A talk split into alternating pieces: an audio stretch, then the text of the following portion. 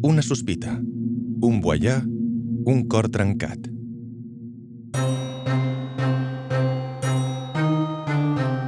La rebel·lió dels dandis. Capítol 2. Maleït dimoni.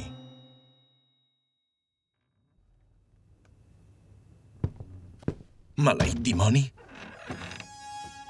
Va apartar el cos de la finestra tot negant amb el cap, però no se'n va allunyar encara. De manera que els rumors són certs i qui els ha escampat no va gens errat. Costa de creure, però és una evidència. La mestressa encara era a la porta, a l'aguait de la seva reacció. Tot bé, senyor? Ell va forçar una ganyota de circumstàncies. Sí, és el que em temia. Us agraeixo que m'hagueu deixat pujar. Aquí estem per a servir-lo. La va obsequiar amb un somriure fugaç i va tornar a donar un cop d'ull a través del vidre. Les finestres de la casa del davant estaven il·luminades i, efectivament, allí, a la segona planta, en Fidel hi havia traslladat el seu estudi. El que veia l'espai ja no era com el que havien compartit durant tants anys. No hi havia cavallets, ni grans teles, ni pots per terra que regalimessin pigment líquid, ni paquets de blanc d'Espanya, ni grapats de pinzells damunt de la taula. Tot era diferent. Més eteri, gairebé invisible. De fet, va constatar que no hi havia res físic, res orgànic, només aquella buidor que revelava la llum de les espelmes. El no-res espiritual, tal com l'havia batejat el mateix Fidel el dia que es va acomiadar i que li va tornar la clau del taller que ja no compartirien.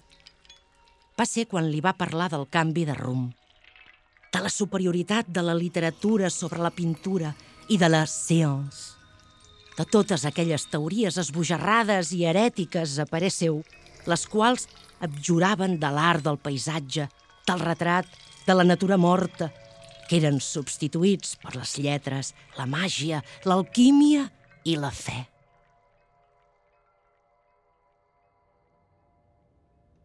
I fa dies que el veu així, assegut al mig de la sala sense moure's? Una setmana, sí senyor. Sigui l'hora que sigui, allí segut que el veig. Jo diria que ni menja. Només, de tant en tant, obre el finestral i treu el barret lligat a la corda i el fa baixar fins al carrer. Allí l'agafa la persona que hi ha en aquell moment. No és sempre el mateix, doncs? No, senyor. Són quatre o cinc. De vegades homes, de vegades dones. I no pugen mai al pis? Jo no ho he vist mai que ho fessin, senyor. Aquell dia del comiat també li havia parlat dels dandis i ho havia fet mitjançant un respecte extrem, un tacte escrupulós i reverencial.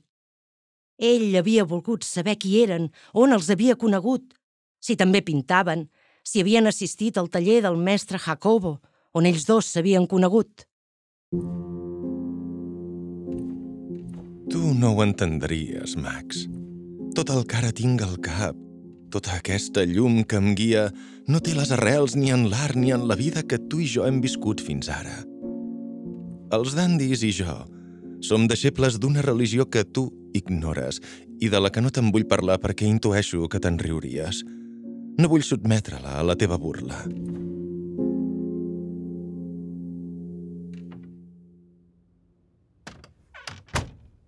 Va dir adeu a la dona. Li va posar una moneda de plat a la mà que ella va agrair amb una reverència. Aquí estem per a servir-los, senyor, va repetir.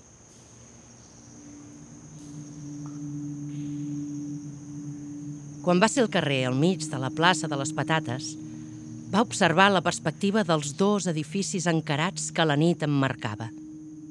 Dos munts oposats farcits de finestres il·luminades. En un hi vivien famílies modestes, treballadores i senzilles, com la de la dona que amablement l'havia deixat pujar a casa seva per observar l'interior de l'espai que ara ocupava el seu amic. En l'altre, el portal del qual estava custodiat nit i dia, en aquell mateix moment ho corroborava besllumant una ombra que duia un barret, un ésser a qui ell havia admirat, amb qui havia compartit anels i desitjos, i que ara l'abandonava a la recerca d'uns ideals estrafolaris sense cap ni peus. Li dolia en el fons de l'ànima perdre la confiança i l'amistat d'en Fidel. Li dolia sentir-se rebutjat i menys tingut. L'art els havia unit i ara els separava.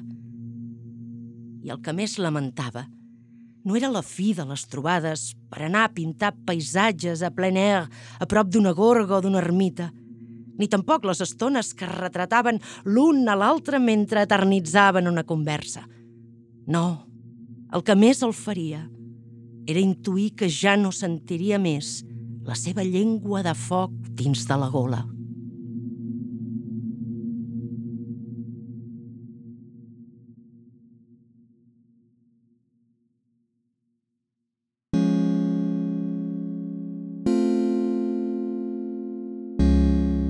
Fins aquí el capítol d'avui de la rebel·lió dels dandis. Aquest capítol, escrit per l'Àngel Burgas, ha inclòs la presència de l'obra La casa de la festa, de 1991, una pintura de Carme Sangles Gispert, Barcelona 1953. La rebel·lió dels dandis és la primera temporada de En sèrie, una col·lecció de relats, una iniciativa del Museu de l'Empordà que, de la mà d'escriptors i escriptores arrelats a l'Alt Empordà, fusiona la seva col·lecció d'art amb el món de la literatura. Cada capítol s'ha gestat sota dues premisses. Continuar la narrativa just on la va deixar el relat anterior i rendir homenatge, d'alguna manera, a una de les 3.000 obres del fons del museu. Segueix-nos a Spotify o a la teva plataforma preferida de podcast. Trobaràs més informació al web del museu www.museuempordà.org.